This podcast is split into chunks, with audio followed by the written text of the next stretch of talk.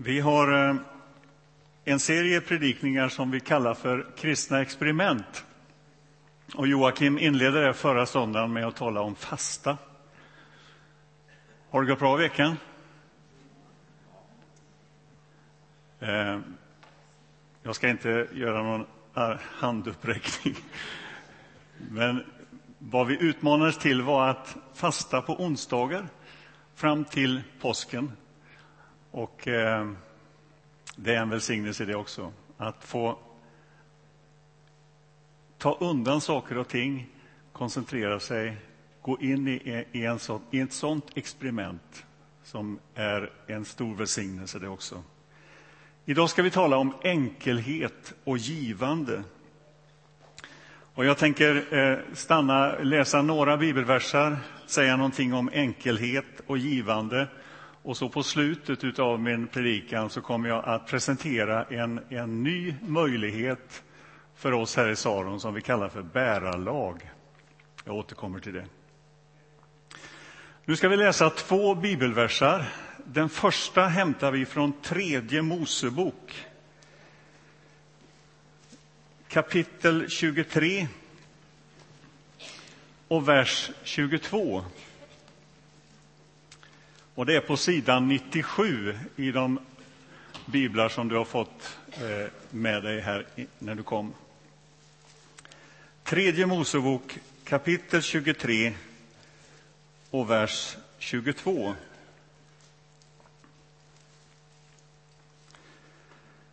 När grödan bärgas i ert land ska du inte skörda ända ut till åkerrenen inte heller ska du samla in de sista axen av skörden. Du ska lämna kvar det åt den fattige och åt invandraren. Jag är Herren, er Gud. Och så går vi fram till Nya testamentet, Matteus evangeliet. Det sjätte kapitlet och vers 33. Och det är på sidan 681.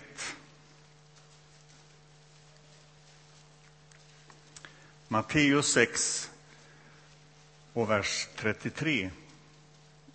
En vers som är hämtad ifrån Jesu bergspredikan. Världens bästa predikan. Man kan läsa den på 15 minuter. Den kan rymmas på en sida om man skriver ner den. Och den är helt fantastisk. Och du har versen här på väggen. Sök först hans rike och hans rättfärdighet så ska ni få allt det andra också. När jag blev pastor i Bålänge för ganska många år sedan, det var i början på 80-talet, så berättade man om eh, en bonde som bodde där och som var med i församlingen. Och han visade runt i sin lagård. Och han visade alla djuren som fanns där. Och så pekade han på en, ett av djuren som stod i ett bås. Och så säger han, detta är missionskalven. Missionskalven var den som skulle eh, få mat och växa och ta till sig och sen skulle den säljas och pengarna skulle gå till församlingens arbete. Jag växte upp i, i, på Donsö, det har väl inte undgått någon numera, eh, i Göteborgs skärgård här.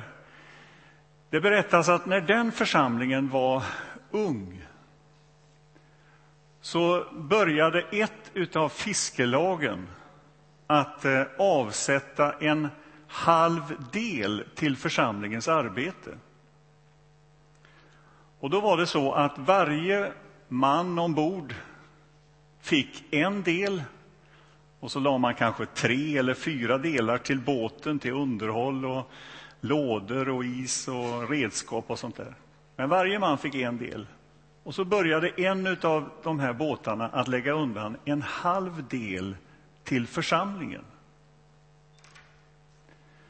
Och det visade sig när året var slut att de hade tjänat lika mycket som de andra, ja, kanske mer. Så åtminstone fyra båtlag till året därpå gjorde exakt samma sak. Därför att de såg vad som hade hänt med den här båten. Och jag tror att det ökade till en del, en hel del så småningom. Den här texten som vi läste från tredje Mosebok visar, och jag ser framför mig den här bonden som går där på åkern och visar sina ägor. Han har nyss skördat. Men så finner man, och när man tittar på åkern så, så har han lämnat en del kvar. Han har inte skördat ända ut till kanten. Utan det står kvar. Kanske ett par meter eller vad det nu var. Men ändå en, en betydande del står kvar.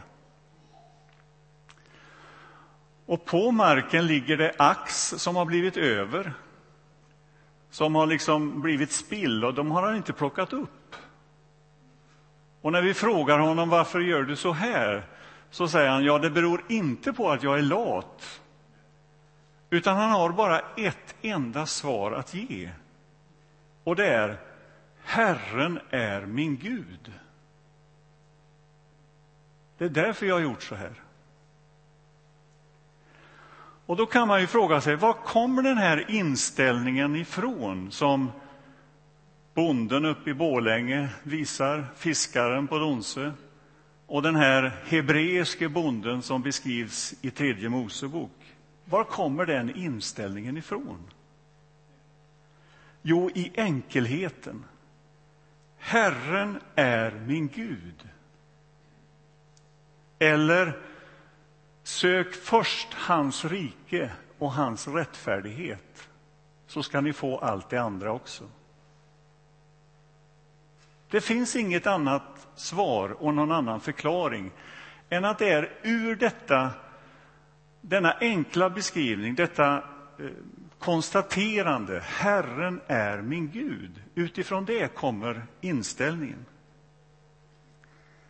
Ett fokus först, och sen allt det andra. Allt det andra är ett viktigt begrepp där i den där versen. Därför att det är en risk för oss att allt det andra kommer först. Vi lever ju i en tid när vi alla här, vi är med ett modernt ord uppkopplade hela tiden. Alltså, vi, vi är utsatta för mycket uppmärksamhet från alla håll. Och det här uppkopplad har ju blivit liksom ett begrepp. Och den, i den verkligheten finns vi. Och den uppkopplingen kräver av oss någon form av gränssättning. För annars orkar vi inte med. Det krävs någon form av hit men inte längre. Och den gränssättningen tror jag måste utgå från att vi har någon tyngdpunkt någonstans. En fast punkt som kommer liksom först och sen allt det andra. Därför att om allt det andra, och du kan ju i din fantasi eh, framför dig se vad allt det andra betyder just för dig. Det är ganska mycket, allt det andra. Men om allt det andra lever sitt eget liv utan den här fasta förankringen, den här fasta punkten, ja, då blir det inte enkelt. Och det är här som enkelheten kommer in.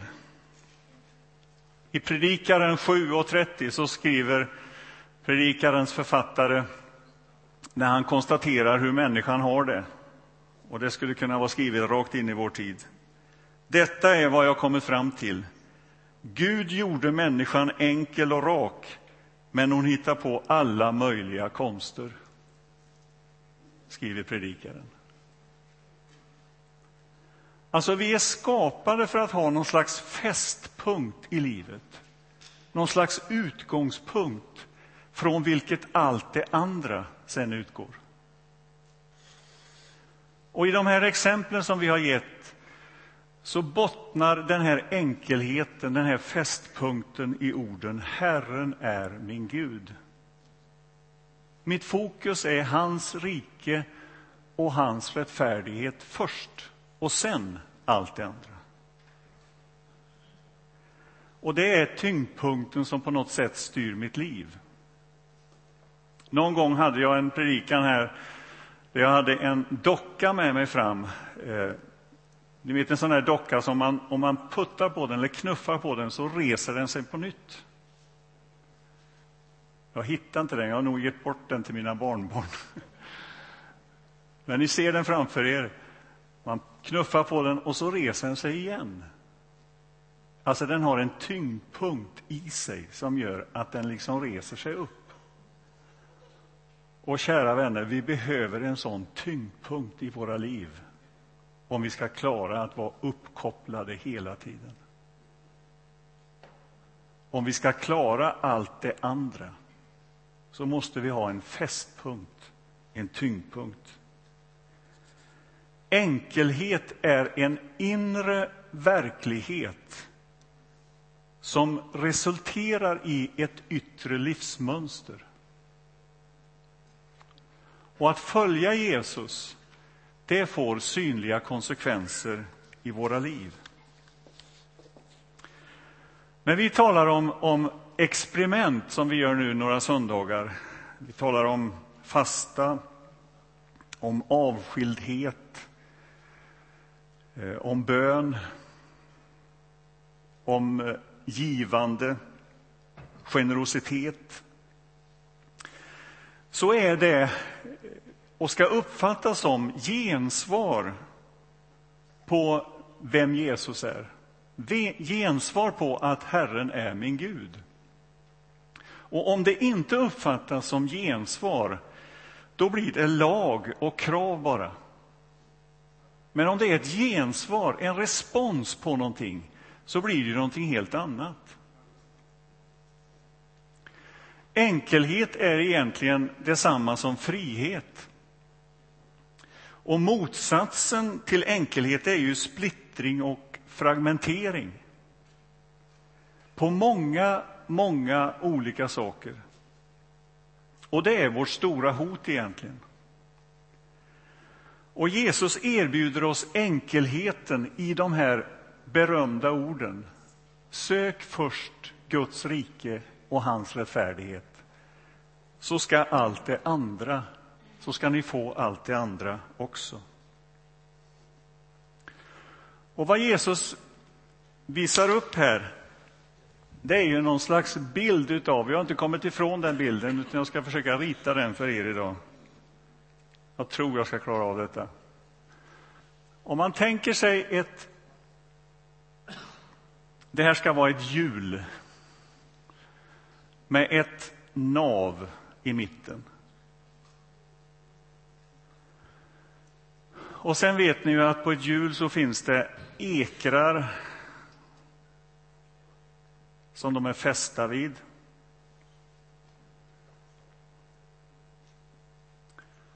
Ja, det blir väl inte så tokigt ändå kanske. Alltså, ni ser bilden av det här cykelhjulet där alla de här ekrarna har en fästpunkt i mitten. Och om de inte har det, då lever de ju sitt eget liv. Och jag kan, jag kan eh, avslöja för dig, du kommer ingenstans. Men om de har sitt fäste i det, och ibland så får man ju justera ekrarna när de har liksom gått sönder kanske, eller tappat i spänst. Och se till så att alltihop utgår ifrån centrum. Och om de inte har, som jag sa, den här fästpunkten, då lever de sitt eget liv. Men att ha, och det är utmaningen, att ha en, en fast punkt. Och det är det som Jesus kallar oss till, att ha vårt centrum i honom. Att följa honom, att ha vårt fokus i honom. Det är det som är enkelheten. Ett huvudfokus. Det betyder inte att jag är bekymmerslös eller nonchalant inför allt det andra. Det är inte så det ska uppfattas. Utan det ska uppfattas som att det är det här som är mitt huvudfokus. Det är det här som jag vill att allt det andra i mitt liv ska utgå ifrån. Och det är den gränssättningen som Jesus erbjuder oss i att följa honom. Och någon beskriver det här som att ja, men det, det är ju det största hotet mot allt vad frihet heter. Är inte människan fri att göra som hon vill? Jo, det är hon. Och Jesus, så att säga, eh, vädjar just till din fria vilja. Och det Jesus erbjuder är ju inte någonting ont, någonting hemskt, utan någonting gott. Ett liv i hans gemenskap. Den här enkelheten, om man nu skulle beskriva den så, som att, att Jesus är vårt fokus, eh, den karaktäriseras av olika saker, speciella inställningar till saker och ting och framför allt till det här med det materiella och pengar. När han är vårt fokus, när Herren är min Gud, som vi läste i tredje Mosebok,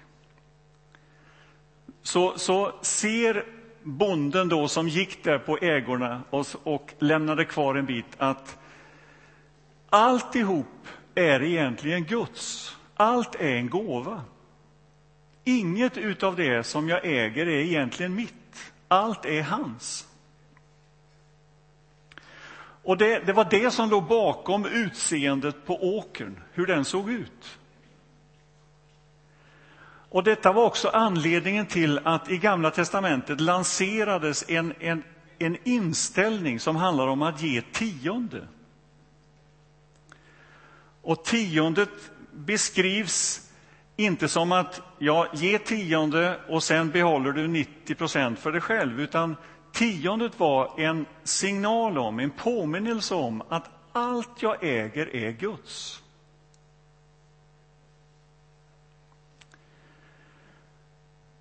Och tiondet beskrivs aldrig egentligen som en norm i Nya testamentet. Nya testamentet går ännu längre än 10 procent. Istället så anger Paulus i Andra Korintierbrevet någon form av utjämningspolitik eller utjämningsprincip som beskriver en situation där det är jämnt fördelat mellan givare och mottagare.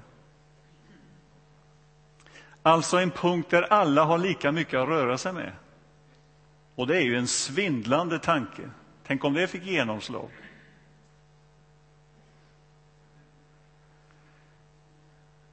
Men tiondet är en väldigt bra utgångspunkt, en bra procentsats att börja med. Och vi säger så här att tiondet är ett golv att stå på, inte ett tak att uppnå. Det är någonting som är en bra utgångspunkt för mitt offrande.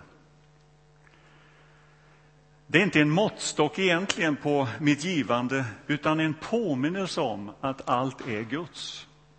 Herren är min Gud.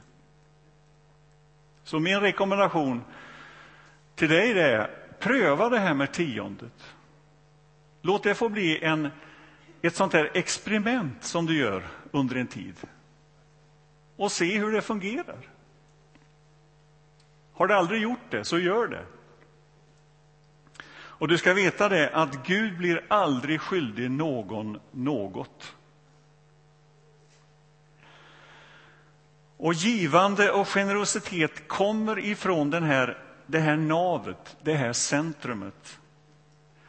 Det är kärleken som är avgörande. Det är inte kravet eller den här ansträngningen. Värdet sitter inte i kronor och ören egentligen. Vi tänker ofta så, utan värdet sitter i, i hjärtat. Och Paulus går ju så långt i Första Korinthierbrevet 13 när han säger om jag ger bort allt jag äger utan kärlek så är det ingenting värt. Alltså hjärtat är utgångspunkten. Göteborgare, låt hjärtat vara med. Det är viktigt. Och utgångspunkten är ju den, den vision som vi har sett. Och här skulle jag önska att vi alla drabbades på nytt av den här visionen.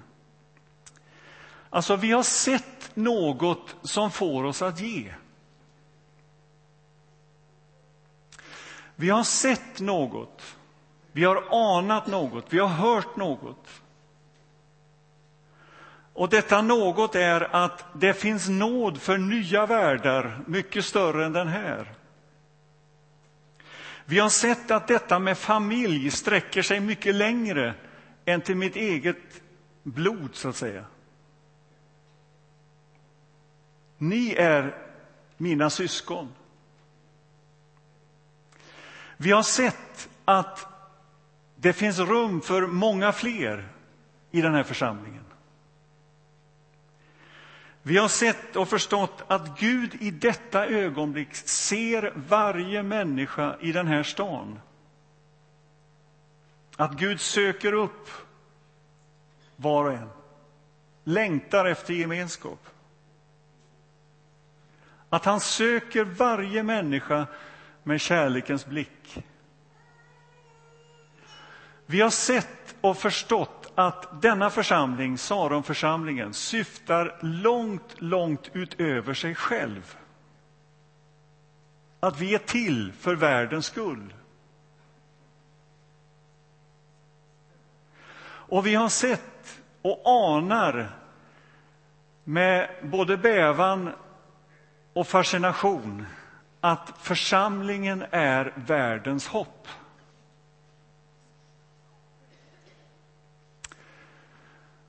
Och tänk om det fick genomslag i vårt, i vårt liv. Att det är den visionen. Det vi har sett, det vi har hört, det vi har anat. Att den tanken fick genomslag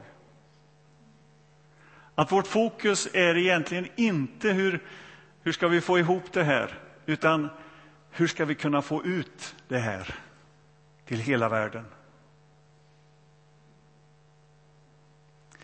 Så svaret på vår fråga om varför vi ska ge, varför bonden i Bålänge hade sin kalv, varför fiskaren gav sin del, varför den hebreiske bonden lämnade en bit kvar ut i kanten?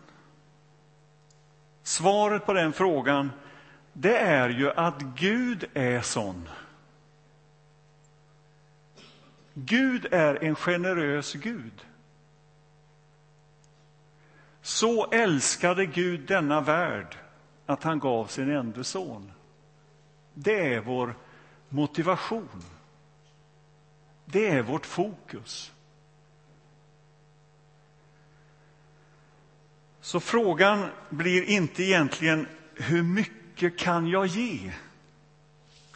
Utan den viktigare frågan blir hur mycket har jag kvar? Hur mycket behåller jag för mig själv? Och om frågan är ställd så, då undgår den ingen. Då, då blir utmaningen lika stor. När vi läser igenom Nya testamentet, evangelierna, så vet vi att Jesus talade om pengar och ekonomi mer än om något annat ämne. Du kan ta vilket ämne som helst som vi diskuterar väldigt ofta, vad det än är, så, så hamnar det väldigt långt ner i jämförelse med just den här frågan. Därför att den berör oss. Den tar på djupet. Pengar är någonting som vi hela tiden har att göra med. Det upptar vårt tänkande. Det upptar vår, vår, vår existens på något sätt. Och det är viktigt. Det är inte det Jesus säger att det inte är viktigt. Men han varnar för att låta det få makt över mig. Och han ger oss på något sätt en, en väg att gå, en hållning i hur vi ska hantera detta som ingen av oss kommer ifrån.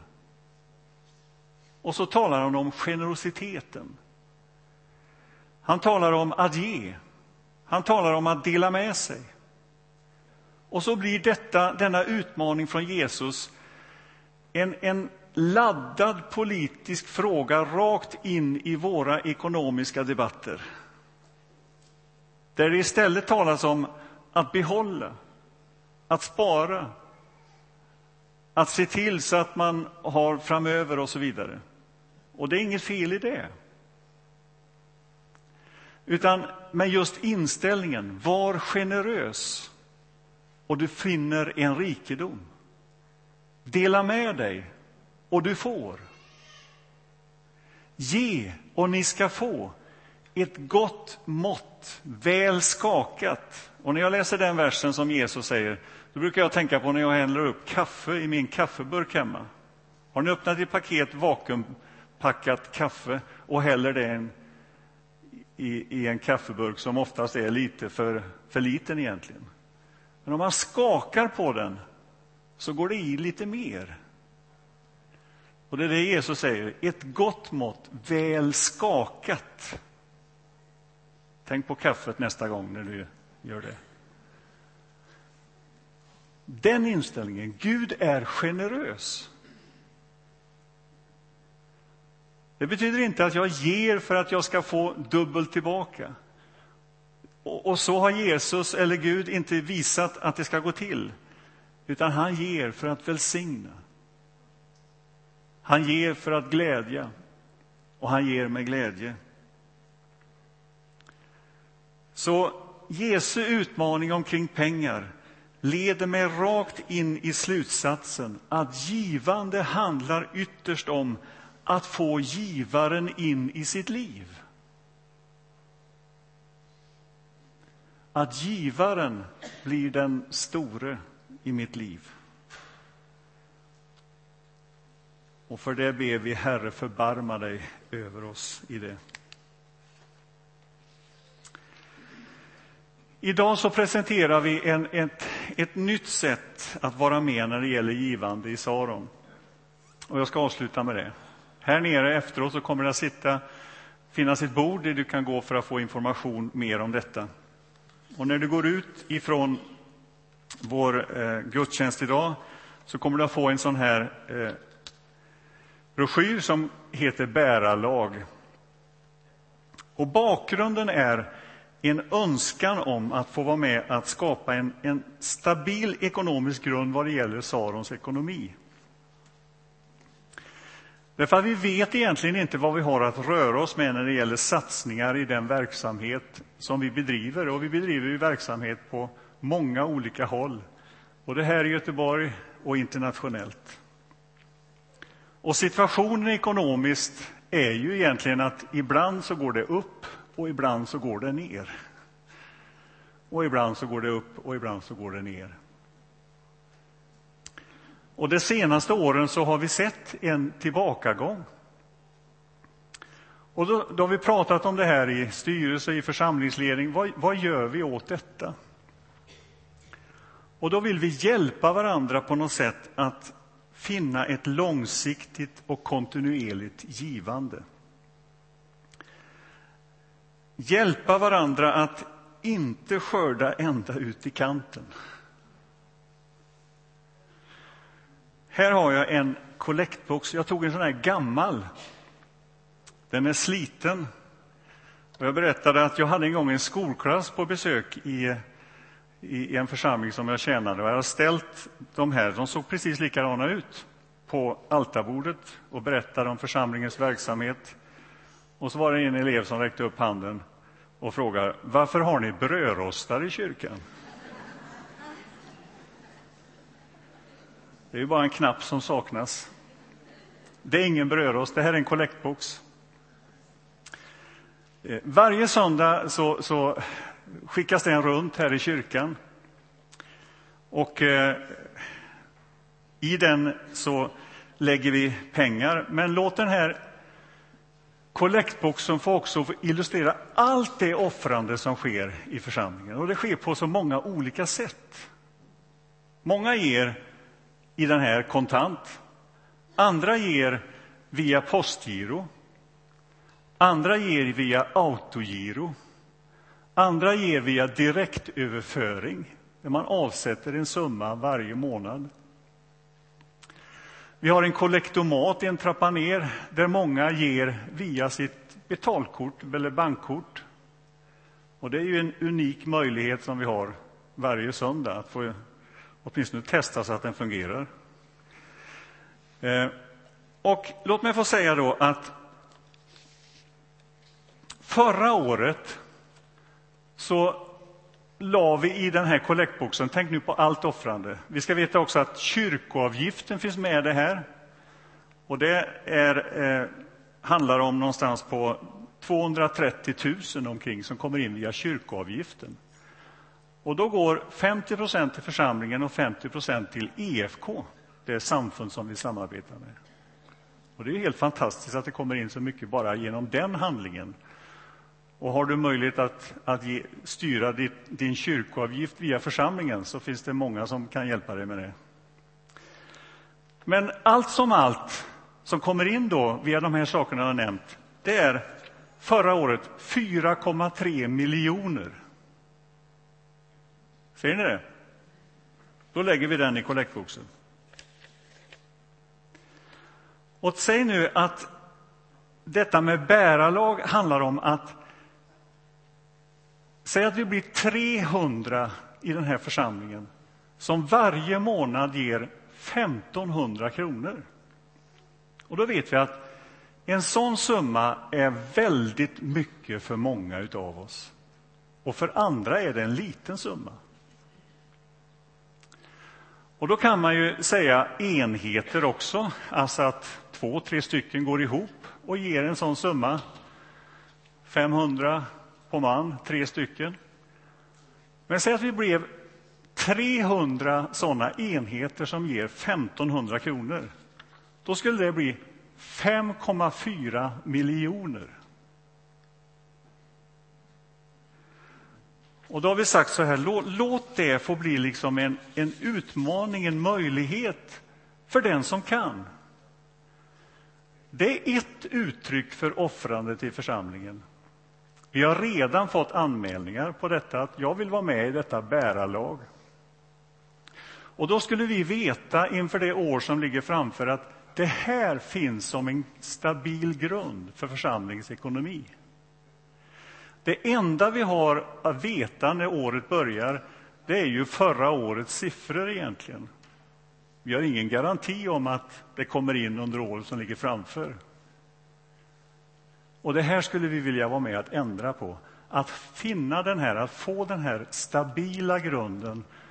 Att det här kan vi satsa på under året som ligger framför. Och idag så lanserar vi detta och beskriver det som en möjlighet. Eh, efter gudstjänsten här så finns det människor som kan hjälpa dig och förklara mer omkring detta. Också fylla i en sån här autogiroblankett som innebär att, att vi hjälper dig med detta. Och eh, så får du skriva på dig, skriva upp ditt namn och att jag vill vara med i detta bärarlag. Låt mig få säga så här, och jag vill stryka under det.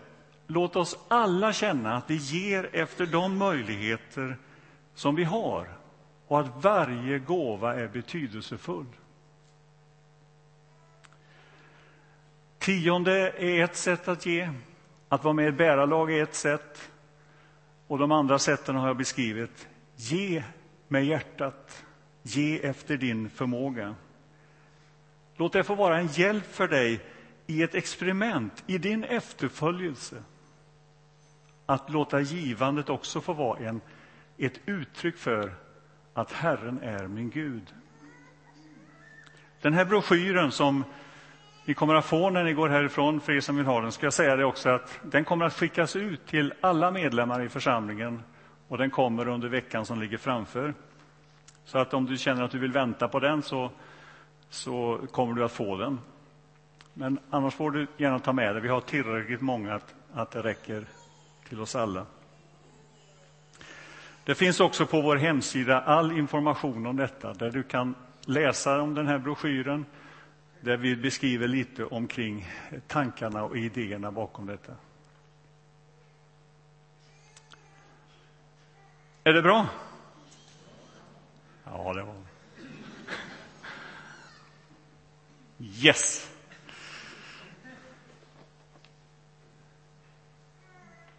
Låt oss känna glädjen att få vara med i ett bärarlag tillsammans. Och Det kan se ut på många olika sätt. Det här är ett sätt att vara med.